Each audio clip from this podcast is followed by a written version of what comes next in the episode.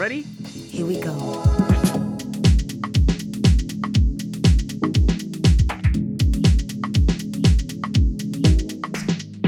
Hej! Välkommen med till Hantera dina fyrk. Här pratar vi om pengar och ekonomi. med teman som är relevanta för oss alla.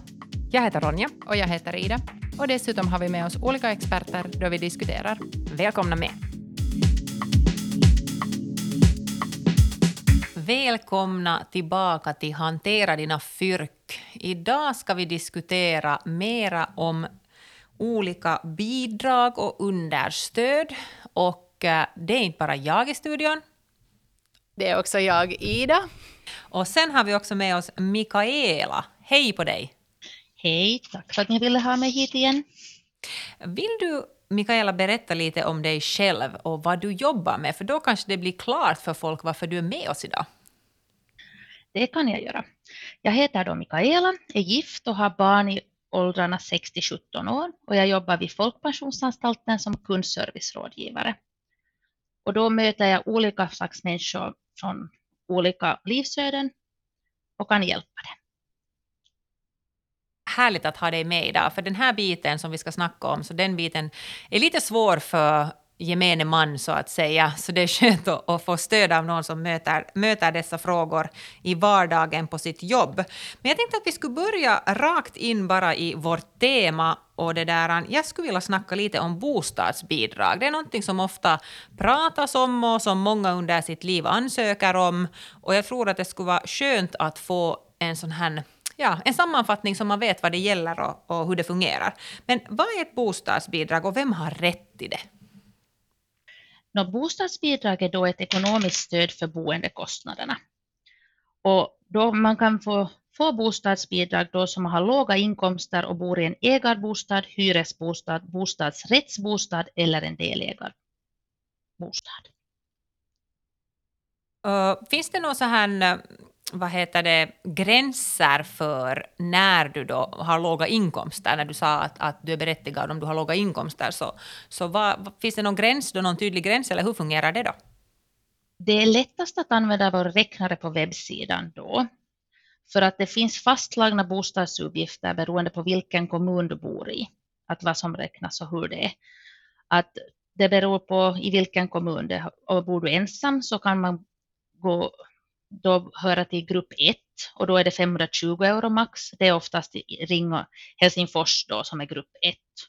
Grupp 2 är Esbo, Grankulla, Vanda och kommun, gruppen 3 är då liksom alla de här Björneborg, Borgo, större städer så här som har lite och sen kommer det på övriga kommuner och då beror det på att inom Helsingfors så är det de högsta boendekostnaderna och i de här övriga så är det de lägsta. Och det är ju helt ganska logiskt egentligen eftersom huvudstadsregionen... Det, här, det pratas ofta om att bostäderna är dyra i huvudstadsregionen så, så det känns ju jättelogiskt att det är uppdelat så där. Jo, det är därför det är uppdelat att, att kommungrupp 1 och kommungrupp 2 har betydligt större den här hyran som godkänns än kommungrupp 3 och 4. Nå, hur är det med bostadsbidraget? Påverkas det sen då av andra stöd eller andra bidrag? Bostadsbidraget påverkas då av de flesta andra stöd och bidrag samt inkomster. Att har man en, jobbar man så alla de inkomster så är och räknas där. Och det påverkas också av boendeutgifterna, hur många vuxna man är där, hur många barn som är i hushållet, i vilken kommun bostaden är belägen och totala beloppet av bruttoinkomsterna. Och bruttoinkomst menar man då inkomsten innan skatten har dragits av. Det lönar sig alltid att använda nätsidorna och räknarna där för att se att har man rätt till bostadsbidrag. Har man rätt till bostadsbidrag som studerande till exempel? Då? Jo, oftast har man rätt till, till bostadsbidrag som studerande om man lyfter studiestöd. Uh, hur gör man konkret om man vill ansöka om bostadsbidrag? Vad måste man veta? Vad ska man fylla i?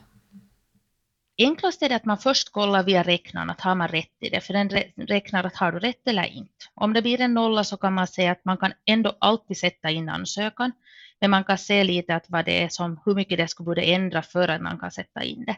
Men ansökan så sätter man in via nätet och nätet berättar vilka bilagor som behövs. Oftast är det kopia på hyreskontraktet och, om det är några inkomster, att det, du har just börjat arbeta till exempel, så behöver vi en kopia på arbetsavtalet. Annars kommer de uppgifterna från inkomstregistret.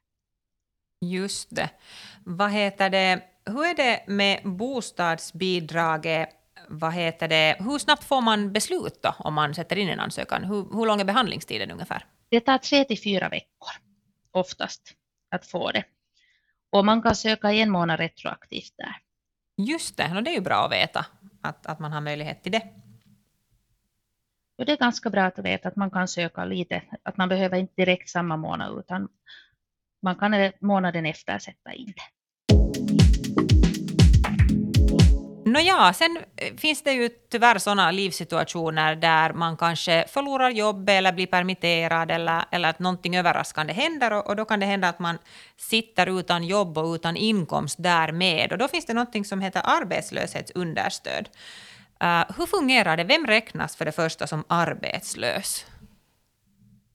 Det som räknas som arbetslösa är oftast de som inte har arbete, blivit permitterade eller avslutat studi sina studier.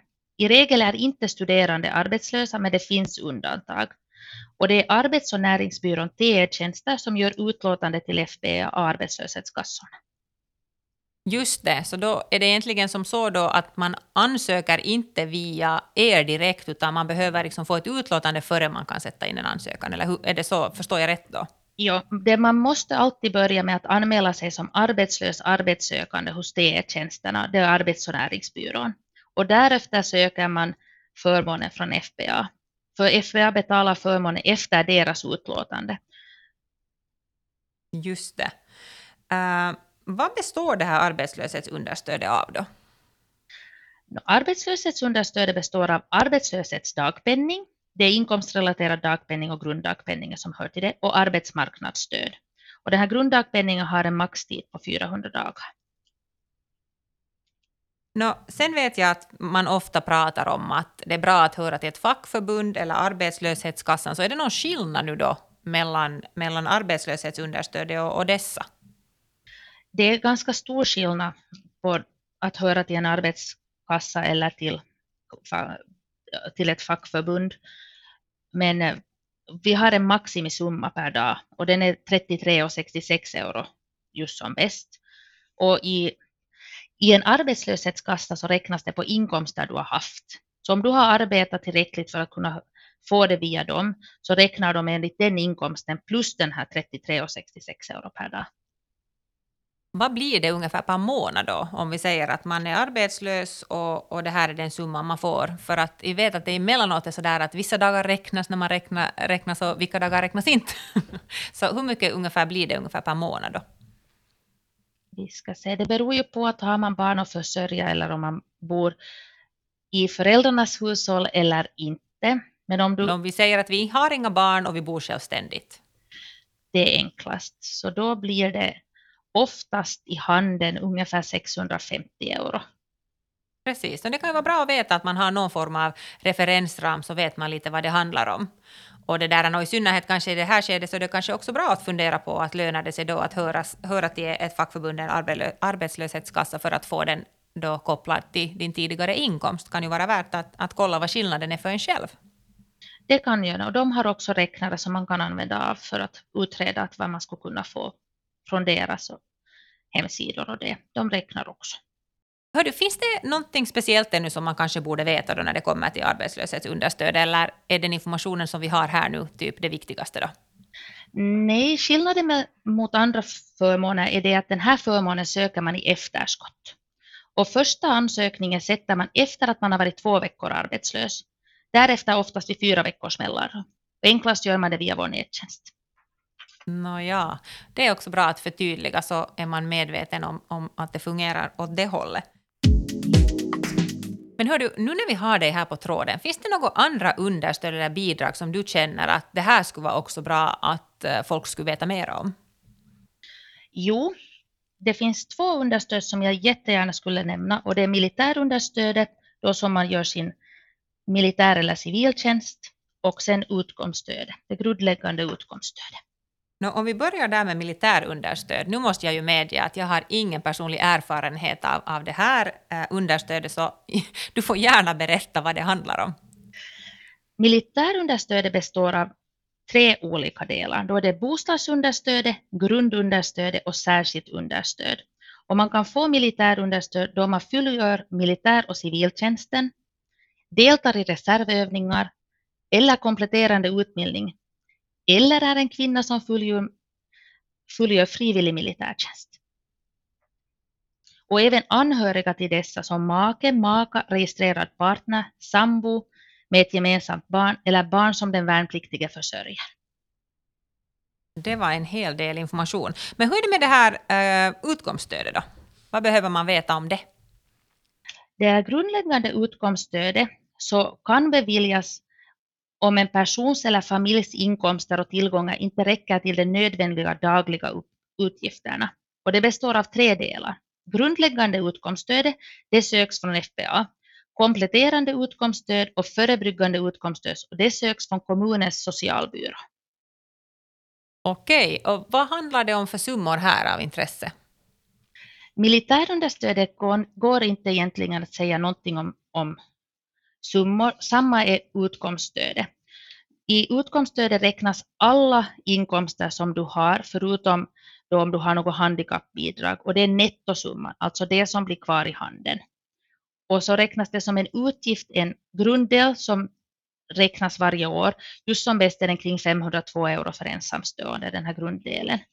Och den ska då täcka eh, kläder, mindre liksom, egenvårdsläkemedel, hygien, renlighet i hemmet, sådana här saker som dagstidningar, telefon och så. Och sen beaktas det utöver det boendeutgifterna eh, som hushållselektricitet, hyran, om man hamnar flytta så är nödvändiga flyttkostnader, offentlig hälsovård och sjukvårdsersättning.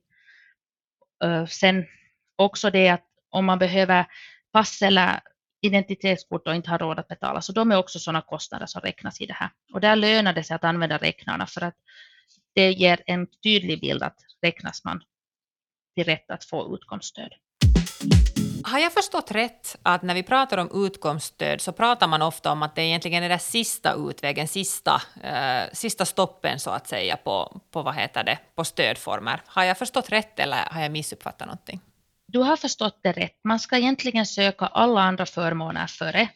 Men ibland kan det vara bättre att söka utkomststödet när man väntar på beslut från någon annan förmån. Okej, Mikaela, hade du ännu några bra tips för våra lyssnare? Ja, det som jag varmt kan rekommendera är att utnyttja FBAs webbsidor för information och räknare. Det kommer att komma flera chattrobotar på svenska under de kommande åren, det utvecklas hela tiden. E-tjänstens meddelanden, då behöver du inte ens prata. Telefontjänsten, för där svarar alltid en riktig person. Och du kan också boka telefontidsbokningar. Och sen det viktigaste, du måste komma ihåg att ansöka om förmånen. För vi kommer inte ge dig pengar bara, utan en ansökan. Och läs besluten och följ de uppmaningar och anvisningar som finns i den. Och händer det någonting att något förändras, meddela om de förändringarna. För man har inte bara rättigheter utan även skyldigheter. Tack Mikaela att du var som gäst hos oss här i, i podden. Och vi hörs igen i ett nytt avsnitt. Tack så mycket. Tack, tack. Hej då. Hej. Den här podden produceras av Finlandssvenska ungdomsförbund i samarbete med oss från Etasov och Spara. För mera info, gå in och kolla webbsidan fsu.fi fyrk och följ oss på Instagram.